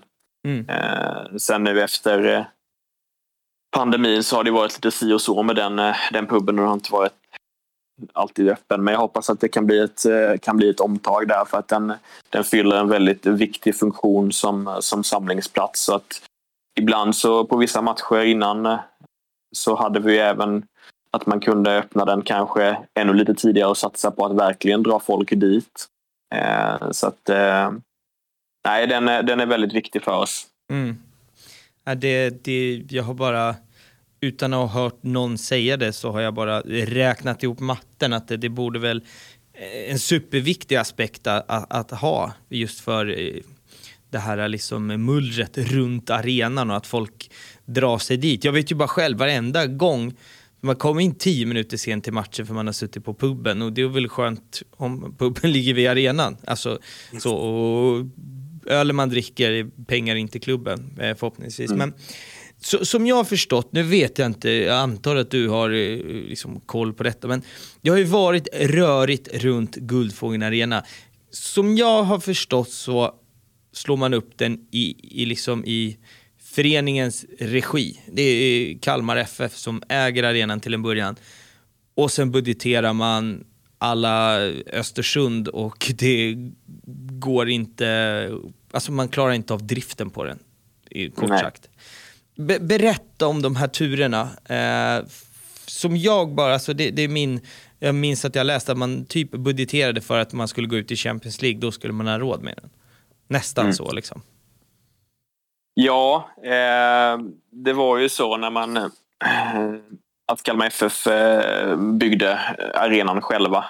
Eh, gick väl in som, eh, som borgenär eh, men det var Kalmar FF som, som betalade notan och byggde sin egen arena. Mm. Och det förde ju med sig väldigt många bra saker. Att man kunde nyttja den liksom året runt precis som man ville och att man kunde eh, nej att vi kunde lägga gräs på den och inte något annat plastigt underlag. Eh, och att vi liksom kunde göra precis vad vi ville med den. Men när, när man lämnade Fredriksskans så kändes det ju lite som att man lämnade kvar en liten eh, del av sin, sin själ där också. Och när man flyttade dit så Nej, men det, det var verkligen så att man tog på sig kanske en lite för fin eh, kostym som man inte riktigt eh, fyllde ut och man ville börja bli någonting som man, man inte var. Man liksom eh, försökte bli mer av ett eh, storlag istället för att behålla den här identiteten vilka, vilka Kalmar FF var.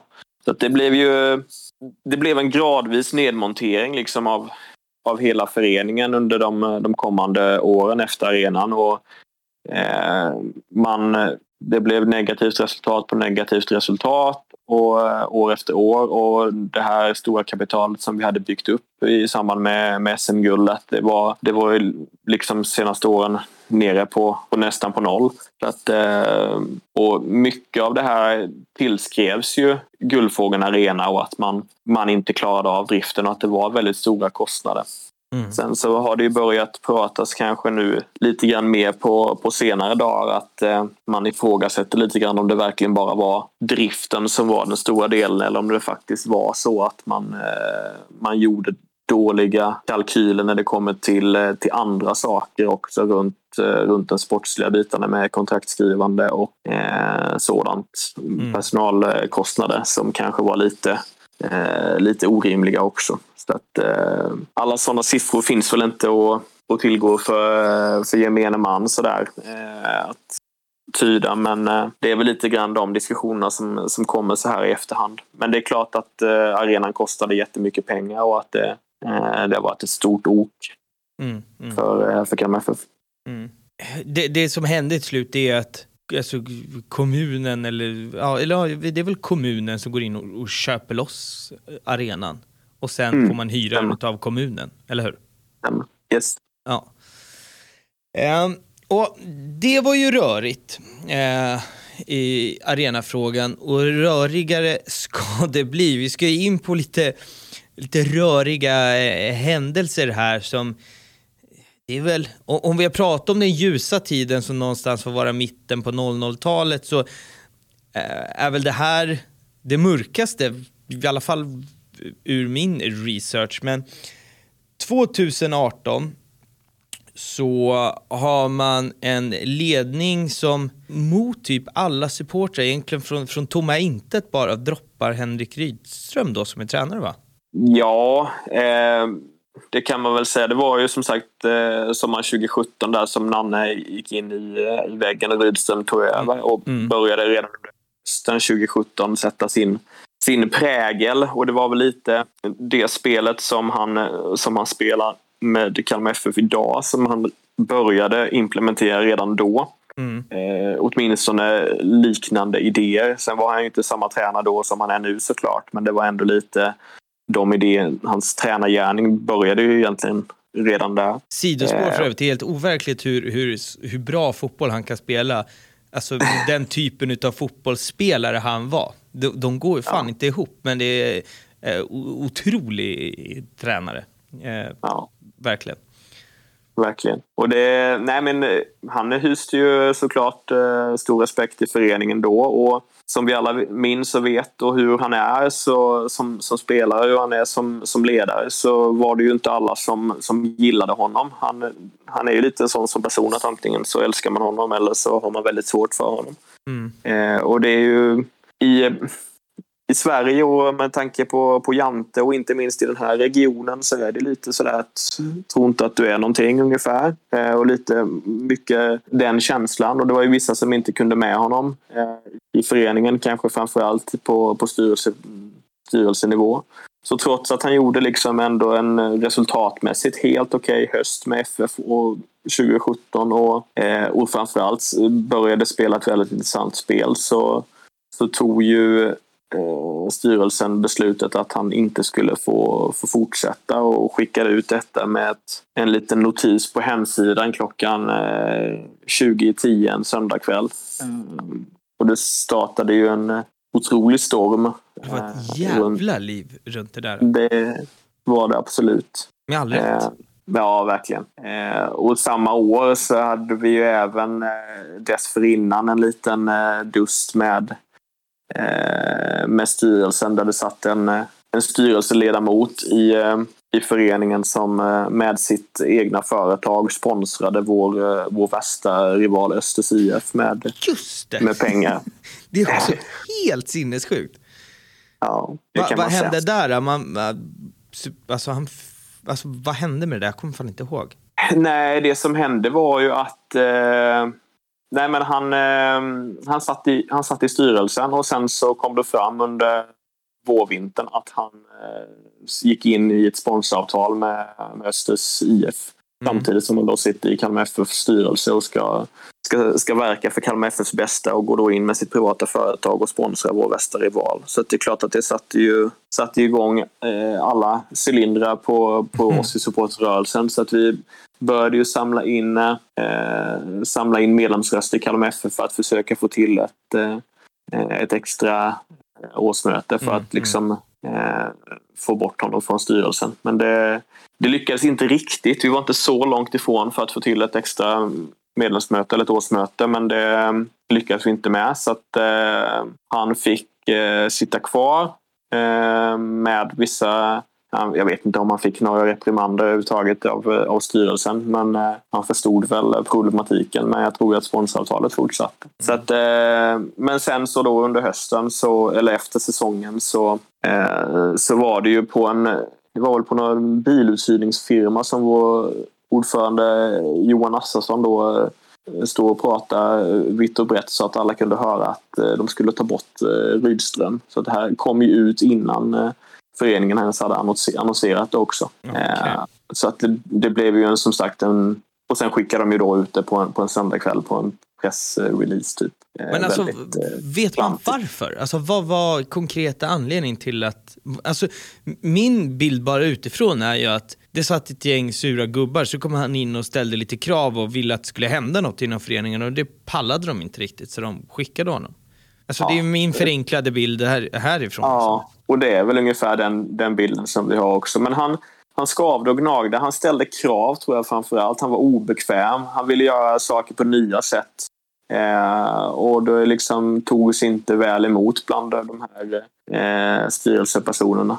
Mm. Så att, eh, och vissa, jag menar, vissa är så liksom sjuka saker som att folk i styrelsen tyckte att han hade en fel politisk uppfattning. Han hade ju första maj talat eh, för Socialdemokraterna till exempel. Och det fanns ju vissa som tyckte att det var dåligt och konstigt. Så att, eh, Nej, det var mycket konstiga saker. Eh, men eh, just den här, när de då eh, skickade, skickade ut honom på det sättet också, det skapade ju...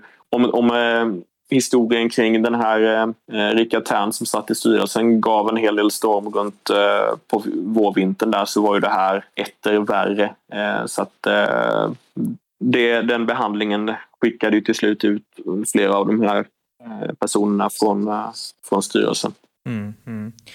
Och då tänker man ju så här att nu jävlar blir det ordning och reda och nu ska man styra upp allt. Eh, jag gillar att du skrattar, du vet vart vi är på väg. 2019 så kommer den eh, förträffliga, fantastiska Magnus Persson in och ska eh, träna Kalmar FF. Eh, hur går det?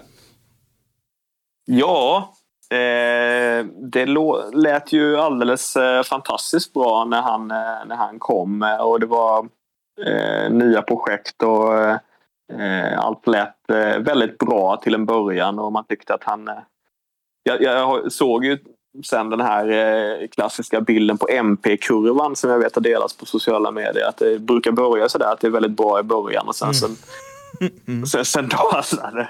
Och det var, var väl symptomatiskt att den här MP-kurvan verkligen eh, blev som den blev eh, under, under 2019. Nej, eh, resultaten försvann och det såg krampaktigt ut och eh, ingenting stämde. Det var väldigt många dyra spelare på långa kontrakt eh, som nu med facit i hand har kostat föreningen en förmögenhet. Han var ju typ Utan manager också. Alltså, han var väl sportchef och tränare? Eller så här. Var han bara tränare? Ja, han hade nog väldigt stor eh, insyn i de sportsliga besluten också i alla fall. Ja. Så att eh, han var i någon slags eh, managerroll också för att eh, tillsammans med Jesper Norberg då. Mm. Så att eh, nej, den säsongen gick ju eh, bedrövligt. Eh, och kulminerade ju negativt i matchen mot, mot Falkenberg hemma i det är väl i näst sista omgången och vi är ju i princip tvungna att vinna och lyckas. Trots att vi, vi tar ledningen tror jag och kvitterar så lyckas vi ändå förlora med 3-2. Eh, och det slut, den matchen är ju väldigt... Nu kanske jag går händelserna i förväg men... Men eh, nej, den, match, den matchen är ju väldigt eh, eh, talande när han... Eh, vi, vi står ju kvar på läktaren i, i, i ren besvikelse efter matchen och Mm eh, uppgivna, tomma i blickarna och undrar liksom vad som händer. Folk är såklart väldigt upprörda och upprivna efter det man fått se under hela säsongen och som sen kokas ner till, till den här matchen som är eh, bedrövligt dålig. Och många hänger ju kvar för att liksom få lite att några spelare eller ledare ska komma ut och lite grann eh, förklara sig. Det är väl sällan så bra eh, närmaste minuterna efter match att ta de diskussionerna men till slut så kommer ju i alla fall eh, han ut och tillsammans med en del andra och det blir ju en eh, ett sällan skådat vredesutbrott från, eh, från MP som tappade Alltså, det här är- fullkomligt. Det här är det...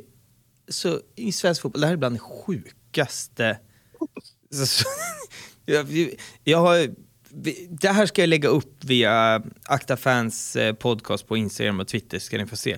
Det är helt overkligt hur en tränare kan bete sig så här mot de egna spelarna. Berätta vad som, vad som händer. Jag vill bara, alltså det är så sjukt det här. Ja men det är det verkligen. Men det, det, det, det blir ju liksom en, eh, en munhuggning mellan eh, MP och ett antal olika supportrar på läktaren. Och sen så eh, till slut så, så han tappade ju helt fullkomligt. Det är ju som det bara rinner över. Det, det slinter ut någon spärr och han liksom får ju sånt sinnessjukt utbrott och står och skriker på oss. Och det, det känns overkligt när man står där på läktaren också. Alltså det ser ut som man ska klättra upp på läktaren och sopa Ja, ja. folk alltså. Verkligen. Och så han blir ju liksom bortfasad från, av de egna ledarna runt om honom. och Bortfasad liksom. Eh, och sen så tar det väl inte så många dagar efter innan han eh, kliver av efter den matchen. Mm. Han står alltså och skriker att eh, de egna supporterna är idioter och ah, det är riktigt rörigt. Vi ska få upp det här på, ehm, på, på, på Instagram och Twitter som sagt. Det är bland det konstigaste och sjukaste eh, klippen eh, som som har kommit ut i alla fall i någorlunda närtid sådär i, i, i fotbolls-Sverige. Men här någonstans när det liksom, när allt går åt helvete, vem ringer man till då för att lösa alltihop? Ringer man till Super-Jens. Mm.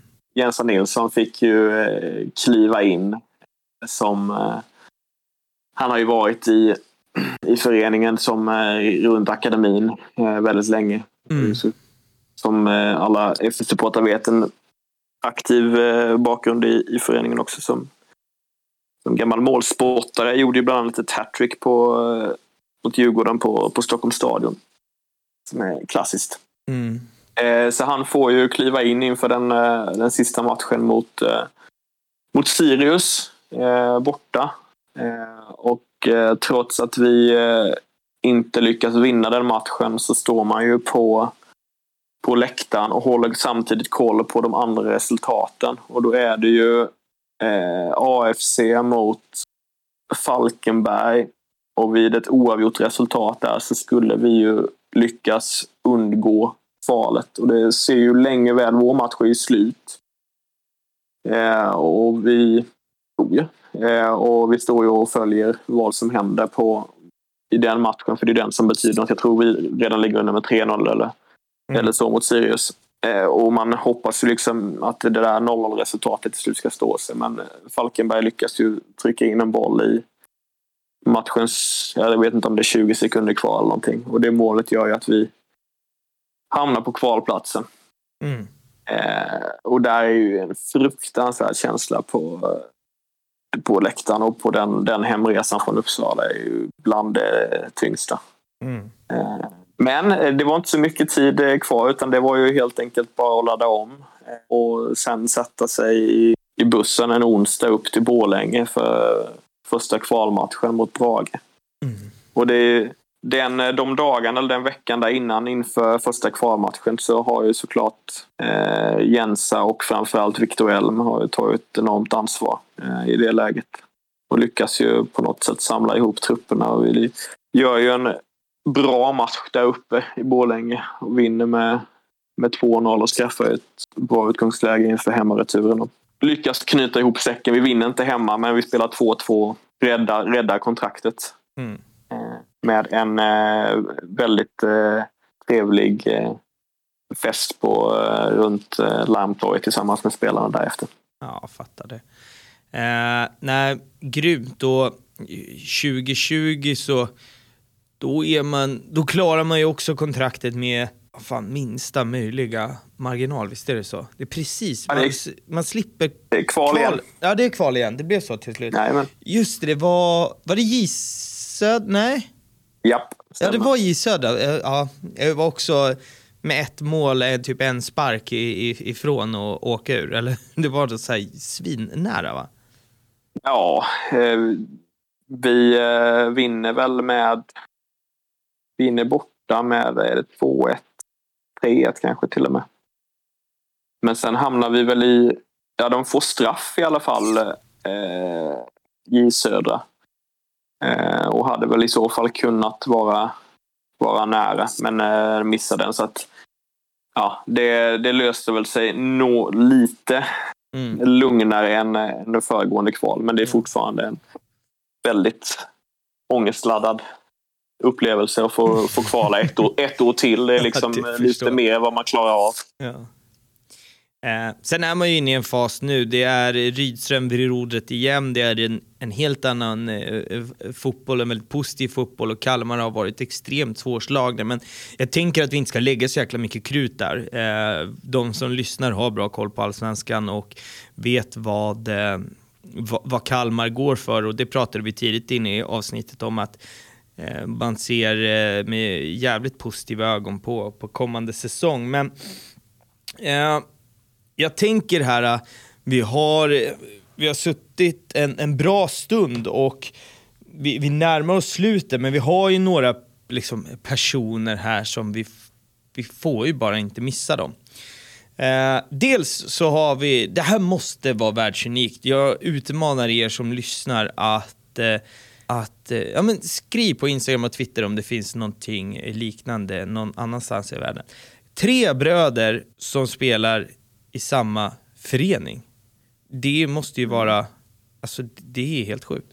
Hur, vad har de här för status i Kalmar? Ja, jättehög såklart. De är ju framförallt så som alla tror jag så fort bröderna Elm kommer på tal så de är och har varit liksom fantastiska fotbollsspelare och, och bidragit mycket till, eh, till föreningens eh, storhetstid. Men det första man alltid kommer att tänka på när det handlar om om bröderna Elm, det är ju vilka fantastiska människor de är. Och liksom vad de, hur de är som människor och personer. Det är väl deras allra största storhet.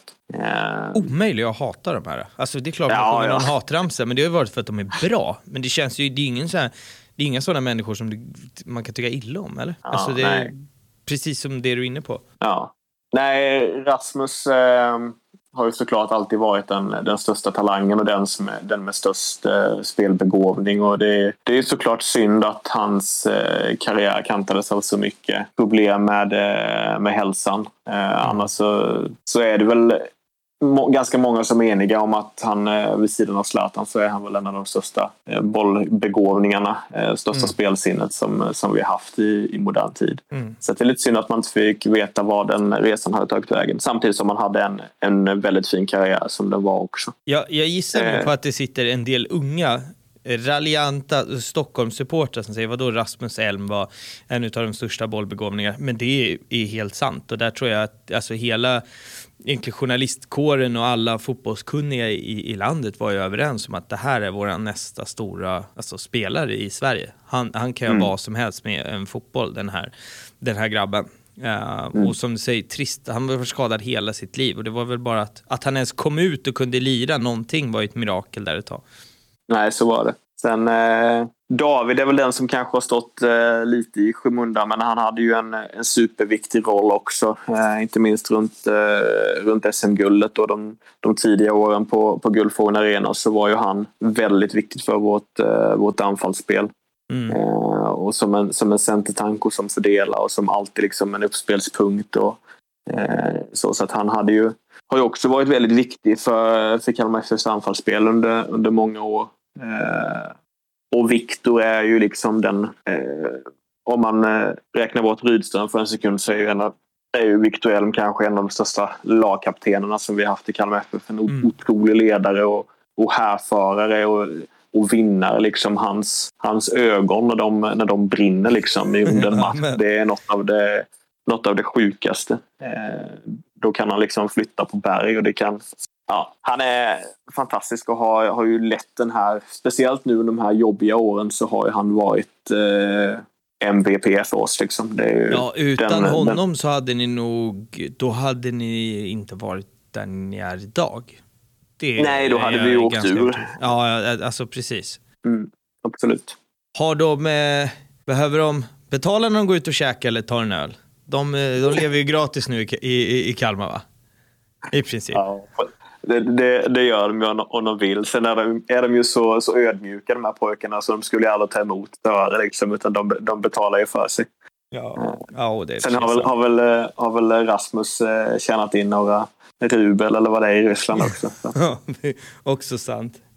Ja. Uh, sen måste vi också, alltså det går ju inte att ha ett avsnitt om en person, vi har ju nämnt honom typ 30 gånger men i, i det här avsnittet. Och det är ju, för mig i alla fall, Mr Kalmar, det är ju eh, Rydström. Och som du sa, intressant där du sa att här, man, man kan antingen hata eller så älskar man honom. Jag har ju, alltså under hans spelarkarriär och sådär, så, så då tillhörde jag verkligen de som säger jag klarar inte av den där jäveln. Alltså jag tyckte illa om honom.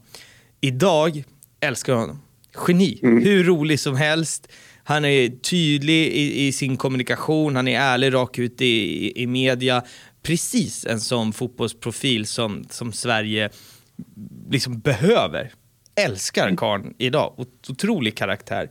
Eh, jag bara slog ut från eh, stark Wikipedia-research har jag gjort på honom.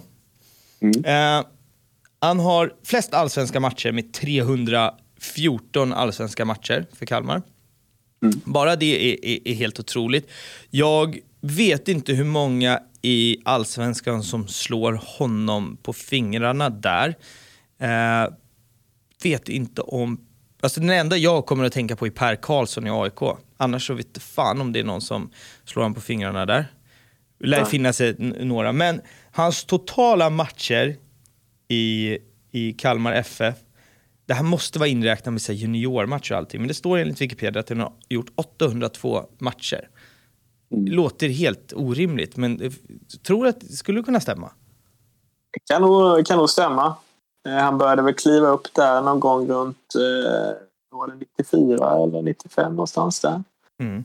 Och sen så höll han på till 2013 så att... Eh, det låter ja, rimligt. Det, det låter rimligt också känd för att ha Sveriges minsta shorts där eh, eh, ett tag. Ja. På, vad är hans Verkligen. största sen, kännetecken? Sen, ja, Förutom det och sen den här, den här krabb, krabbstilen liksom. Med, väldigt låg tyngdpunkt, armarna ut och sen så eh, flyttar sig liksom i sidled så såg han ut som en liten krabba på planen där. Men han gjorde väldigt stor nytta även i det Måste Det varit en så spelet. jobbig jävel att spela mot. Också ettrig som satan och, och snabb i truten som djävulen också. framförallt. Så, så hatad av, av motspelare alltså. Ja. Ehm, Men alltså, om vi tar upp då, vi har bröderna Elm, vi har Nanne, vi har Rydström. Går det att... Är, det- är det det som är treenigheten inom, eh, inom föreningen Kalmar FF? Eller hur kan man liksom eh, ranka de här på någon vänster? Eller förstår du vart jag vill komma? Ja, nej men det var väl bra eh, formulerat att se dem som treenigheten. Sen eh, för mig med tanke på det, det historiska, det är klart att mm, Nanne har haft en eh, enormt stor betydelse och, och så. Men eh, om man även tar liksom nuläget och historien så, så för mig så är det nog eh, Rydström som är kanske den, eh, den största. I och med att han liksom har burit Kalmar FF alltså som både sportsligt men även liksom framförallt som förening och att han har liksom visat det här eh, enormt lojala lojala känslan till, Mm. till föreningen och vara Mm. dem trogen och, och även hylla sina, sina supportrar och sin förening och alltid stå upp för den så, så kanske det han är den som har betytt eh, kanske allra mest. Mm. Jag har också en till, eh, eh, en till, ett, ett till namn som ska ta upp här. Det här är innan våran tid. Sten-Åke Kalven Johansson. Har du koll på hur många mål han har gjort för Kalmar FF? Nej, men det är nog några stycken. Alltså det här är också, det är en Wikipedia research ska tilläggas med och jag tror det här är ju, räknas genom alla hans eh, år, måste vara ju- junior och allting. 351 mål. Ja. Det är otroliga siffror också. Jag bara, kände, jag bara hittade den här siffran på Wikipedia och stämmer den så måste det nämnas för det är helt otroligt. Ja, nej, det är några stycken. Han eh, är också såklart en stor profil i historien, liksom eh, Johnny Erlandsson får man inte heller Mm. glömma som också gjorde väldigt, väldigt många matcher. Mm, mm. Du, jag lovade eh, några på Twitter att det skulle bli ett långt avsnitt, vilket det har eh, blivit, men det har varit eh, sjukt intressant och äntligen eh, så är, eh, är vi tillbaka med, med avsnitt och nu kommer vi gnugga ut varje måndag. Innan vi stänger för eh, veckan, är det någonting, liksom, om vi har punkten i övrigt som du känner att du vill ta upp innan vi tackar för oss? Det känns som jag har blarrat på tillräckligt tycker jag. Eh, det, det är vi två om. Eh, och uppskattar att du har gjort det. Men en sista fråga då, då är, eh, vad är supporterkultur för dig? Eh, Supporterkultur är eh, något av det finaste. Det är liksom en eh, väldigt stor gemenskap eh, som ger en möjlighet att få vänner för livet och eh, samtidigt eh, ge utlopp för, för alla de känslor som man, som man bär på i vardagen. En, en slags ventil och, eh, men ett, och en brinnande passion och, eh, för, för det laget som man älskar. Mm. Nej, verkligen. Hörni, fan vad kul det har varit att vara tillbaka. Så tacksam att ni lyssnar. Glöm inte bort Akta Fans podcast på Instagram och Twitter. Och eh, glöm inte heller patreon.com slash aktafanspodcast. Nu när jag har en klippare så kommer vi förhoppningsvis, jag har ändrat inspelningsdagen, nu kommer vi kunna lägga upp avsnitten där tidigare. Och känner ni att ni vill stötta mig och mitt arbete med podden lite extra så eh, gå in där helt enkelt. Återigen, tack för att du har eh, medverkat. Tack för att jag fick vara med, det var jätteroligt. Självklart. Och vi hörs igen nästa måndag. Ta hand om er. Vi hörs. Tja. Han tog av sig sin kavaj, sparka av sig båda skorna och så spottade han ut snuset. Sa min sköna, får jag lov? Hon var vacker, han var stolt, rak i ryggen som en fura. Det var sommar, det var glädje och de dansade och sjöng. La la la, la la la la la, la la la, la la la la la.